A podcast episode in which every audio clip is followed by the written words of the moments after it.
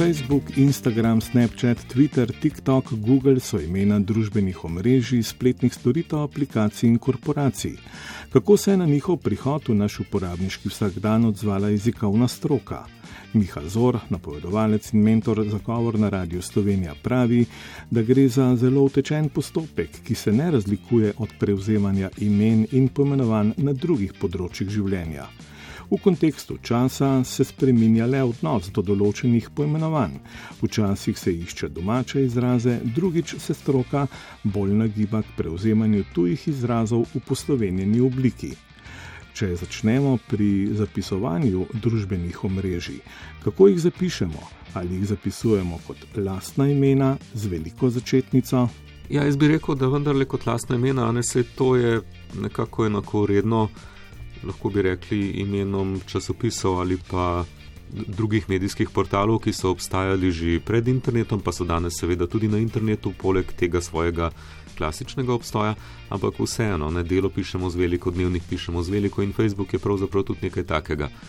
Verjetno je bližje temu, kot da bi rekli, da je to nekaj takega kot znamke avtomobilov, ki jih pa pišemo z malo, ker gre tukaj pač za neko tako tipsko vrstno poimenovanje. Ne? Zdaj, morda je tako tudi zato, ker v resnici nimamo nekih usporednih družbenih omrežij, ki bi bili primerljivi s Facebookom, Twitterjem in bi bila to samo ena opcija od več enakovrednih, zelo podobnih. Ne.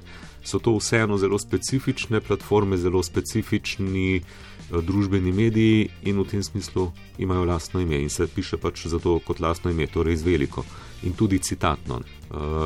Zato še vedno pač Facebook pišemo tako, kot se piše v angleščini, Twitter tudi tako, kot se piše v angleščini, ker to je tako kot tudi, tudi Renault, ne pišemo RNO, ne? ampak še vedno po francosko. Čeprav je tam to lahko tudi kot znamka in se piše z malo, ampak vseeno ohranjamo citatni zapis.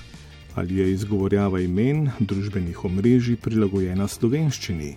Tukaj velja isto, kot velja za vse besede, ki jih prevzemamo iz tujih jezikov v fonetičnem smislu jih prilagodimo slovenščini, zato ker je drugače to zlasti v stavkih težko izgovarjati. Ne?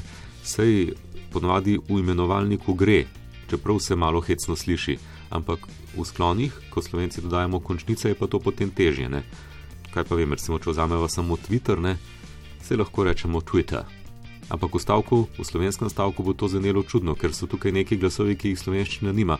In Sploh, če bomo pa hoteli sklanjati, bomo pa kako, če bomo citatno izgovarjali Twitter, ja, brez zreja, zrejem, smešno bo ne in tudi nerazumljivo, tako da je bolje Twitter in Twitterja. Čisto mm. lepo po slovensko in vseeno se čisto dobro razume, zakaj gre. Tudi pri sklanjanju ni nobenih posebnosti.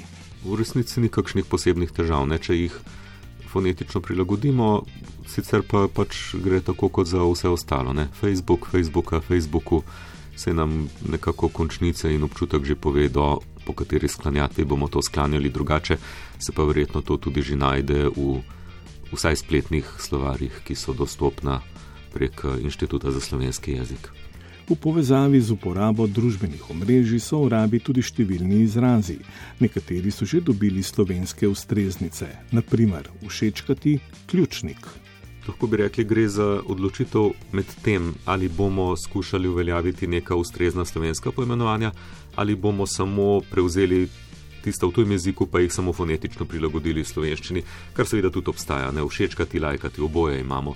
Zdaj se mi zdi, da če je tak izraz spretno narejen, se dosti krat prime, je ljudem všeč in ga sprejmejo in na to uporabljajo. Seveda pri tvorbi teh izrazov je treba jezikoslovca marsikaj upoštevati, ne? vedno gre tudi za vprašanje tega, da se nečesa ne kalkira, ko se reče jezikoslovno, to pomeni, da se ne prevaja dobesedno, ampak da se skuša nekako dognati, kakšna je slovenska miselna predstava za dejanjem in temu ustrezno poimenuje potem. Dobro, všečkati pa lajkati je predvsej ista stvar, ampak se mi zdi čisto posrečena in se mi zato zdi, da dejansko to je kar nekako že sprejeta beseda in tudi uspešna. Prav tako se mi zdi tvit pa čivk.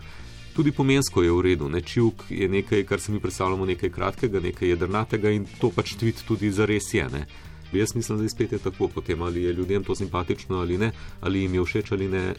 Malo tudi od tega, kakšna so recimo njihova jezikoslovna načela, če jih imajo, ne sej nekateri mogoče tudi sami pri sebi želijo imeti v resnici slovenske ustreznice in potem to uporabljati, od tega je to potem odvisno. Ampak se mi ne zdi, da bi bilo karkoli narobe s tem, da se poskuša najdevati slovenske besede za no, no, novo stvarnost, ki prihaja k nam in ki se pojavlja, ali pa potem to ostane ali ne, je pa tako kot vedno v jeziku.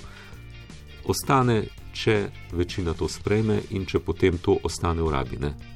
Pa je lahko pri uporabi teh slovenskih ustreznic občasno tudi kakšna zagata, recimo omenjaš čivk. Če recimo rečemo, da je sosedova Micka čivknila, ali pa recimo, da je predsednik vlade čivknil.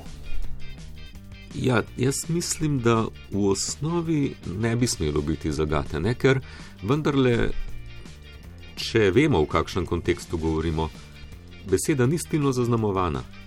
Seveda, zaznamovana bo za nekoga, ki je ne pozna, ali pa če jo uporabljamo zunaj konteksta tega specifičnega družbenega omrežja Twitterja. Ne?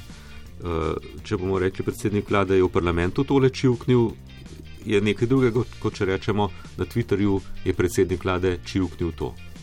Razlika je, ali je to zaznamovano ali ne, čeprav je na vzven ista beseda. Kako strogim jezikovnim pravilom so podvrženi zapisi na družbenih omrežjih, je odvisno predvsem od statusa določenega profila. Naprimer, če gre za Facebook profil nekega podjetja ali institucije, potem je vsekakor na mestu raba knjižne slovenščine.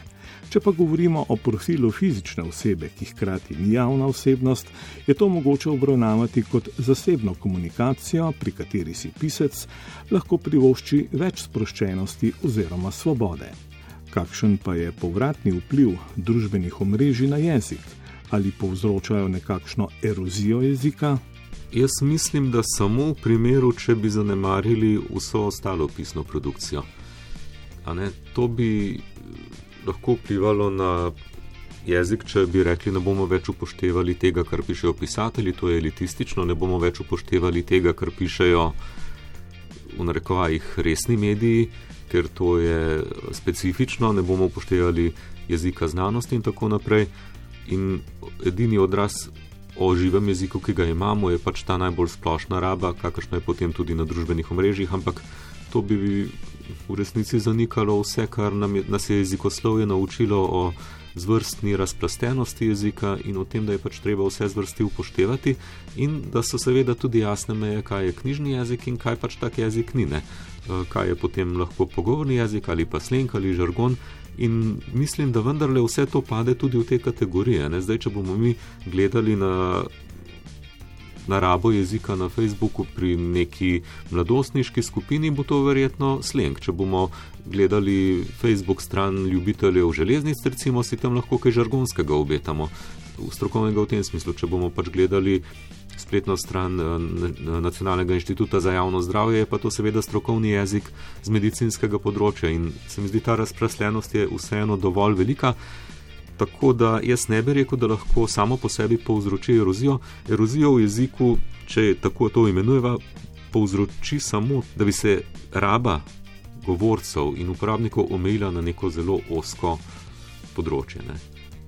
Jezik je bogat v tem, ko je razplasten to je pač ugotovitev, za katero smo lahko hvaležni velikim jezikoslovcem 20. stoletja in smo se iz tega marsikaj naučili. In v tem smislu, po mojem, ni treba, da nas skrbi, če si prizadevamo za to, da se ohranja raba na vseh ravneh.